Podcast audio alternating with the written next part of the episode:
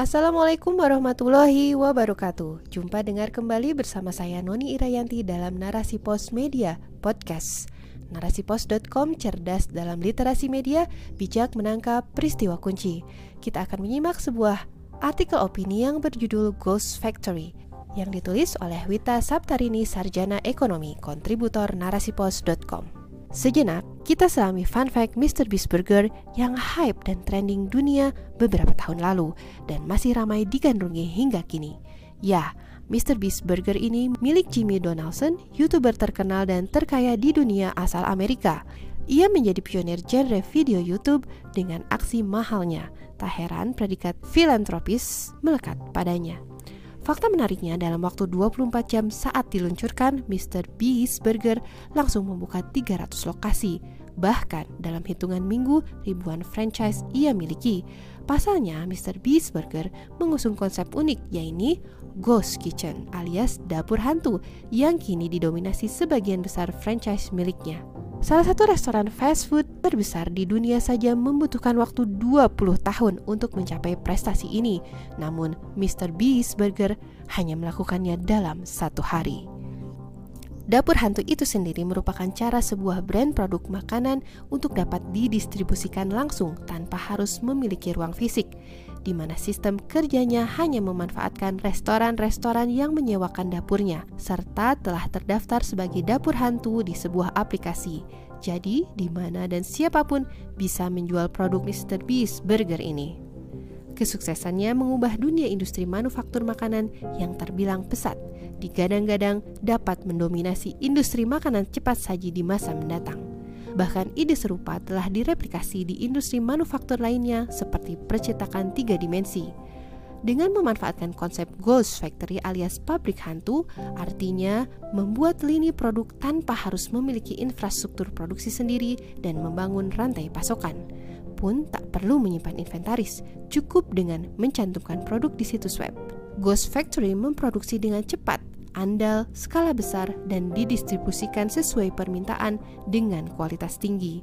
Namun berbeda dengan Ghost Factory yang semakin fenomenal di tanah air, khususnya di Jakarta, di mana pabrik hantu ini memiliki tendensi kerugian bahkan kepentingan golongan.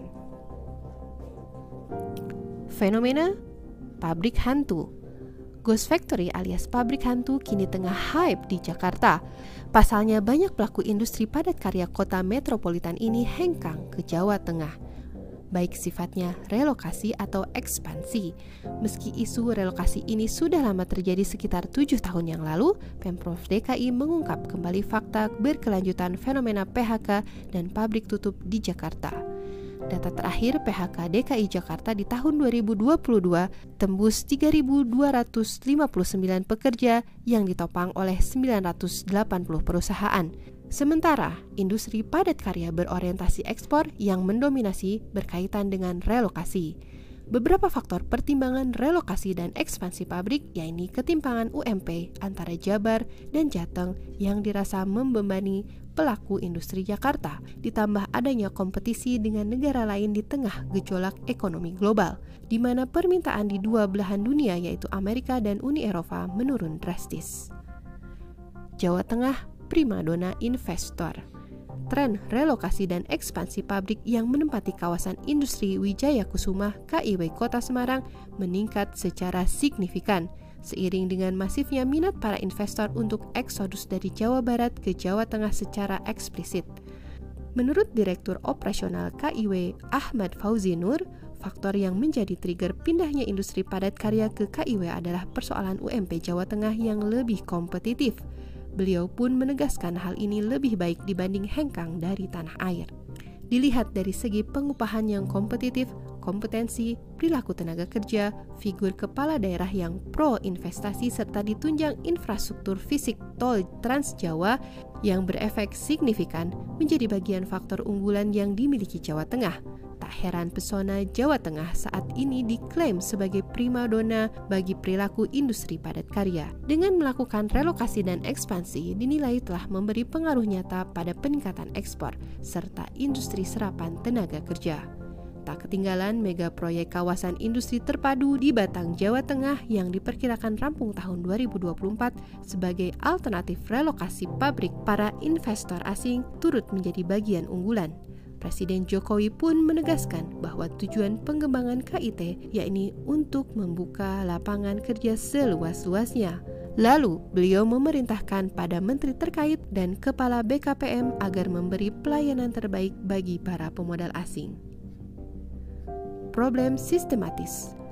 Relokasi dan ekspansi pabrik-pabrik terkhusus industri padat karya yang berorientasi pada ekspor dari daerah yang memiliki UMP tinggi ke daerah baru dengan UMP lebih rendah adalah bukti bahwa secara fundamental fenomena pabrik hantu merupakan problem sistemis yang dipelopori oleh sistem kapitalisme yang mendominasi dunia hari ini dengan prinsip sistem ekonominya yang hanya menguntungkan para pemangku kepentingan, tak lain para pengusaha dan penguasa. Dalam sistem kapitalisme, karyawan atau buruh hanya dipekerjakan sesuai dengan kepentingan industri dan korporasi. Tak heran karena sistem ini dikenal dengan asas manfaat serta eksploitatifnya. Sementara perusahaan menitik beratkan pada keuntungan semaksimal mungkin. Hal ini didukung oleh Undang-Undang Omnibus Law Cipta Kerja, di mana regulasi ini memberi ruang pada para pelaku industri leluasa melakukan PHK. Sebab sistem kapitalisme hanya memosisikan pekerja sebagai bagian salah satu instrumen biaya produksi secara mutlak. Tak ayal jika terjadi guncangan sistem ini meniscayakan buruh sebagai sasaran PHK massal – sebagaimana prinsip ekonominya, yaitu dengan modal minimum mendulang keuntungan maksimum demi upah yang lebih rendah dan menekan biaya produksi. Jelas perilaku ini sebagai bukti absennya negara terhadap urusan rakyatnya dan mencukupkan fungsinya sebatas regulator. Mekanisme upah dalam Islam Penerapan sistem Islam secara komprehensif meniscayakan terwujudnya keadilan dengan substansinya yang sesuai kebenaran dan luar biasa, Islam memanusiakan pekerja yang esensinya membutuhkan kesejahteraan dalam hidupnya. Artinya, tidak menjadikan pekerja sebatas instrumen produksi yang nasibnya berada dalam genggaman industri atau korporasi. Sebab ada peran negara yang menjamin dalam hal pemenuhan kebutuhan, baik sandang, pangan, papan, pendidikan, kesehatan, dan keamanan, sebagaimana sabda Rasulullah Shallallahu Alaihi Wasallam dalam hadis yang diriwayatkan oleh Bukhari yang artinya khalifah atau pemimpin dalam negara khilafah berperan sebagai ro'in atau pengurus urusan rakyat yang kelak akan dikenai pertanggungjawaban oleh Allah Subhanahu wa taala atas segala yang diurusnya. Islam memiliki mekanisme pengupahan yang adil, mengikat antara penguasa dan pekerja sebagai mitra dalam akad ijaratul ajir dengan tujuan agar terjalin kesepakatan sebagai wujud terpenuhinya ridho wal ikhtiar, yakni keduanya saling membutuhkan dan memberi keuntungan. Sementara peran negara memastikan tidak terjadinya kezoliman dan ketidakadilan. Pun, bila terjadi krisis ekonomi global, tidak mempengaruhi upah sehingga buruh tidak menjadi bulan-bulanan PHK. Sistem politik Islam beserta seperangkat sistem ekonominya yang andal dalam institusi khilafah tentu sigap dalam menjaga kestabilan ekonomi dengan mengelola sumber daya alam yang melimpah secara mandiri, menciptakan beragam usaha yang kondusif bagi rakyat, melarang praktik riba, mengimplementasikan sistem keuangan berbasis emas dan perak, serta kebijakan fiskal berbasis syariah, tentu saja hal ini akan mengubah dunia industri berkembang dengan pesat secara otomatis memberi implikasi positif pada serapan tenaga kerja. Bila dianalogikan, olengnya kapal industri padat karya dalam kendali sistem kapitalisme hanya akan menenggelamkan nasib para buruh dan kemujuran pun tidak pernah berpihak pada mereka. Namun, kapal industri dalam khilafah mampu berlayar menerjang badai krisis, mengantarkan pekerjanya menuju pulau sejahtera. Wallahu a'lam bishawab. Wassalamualaikum warahmatullahi wabarakatuh.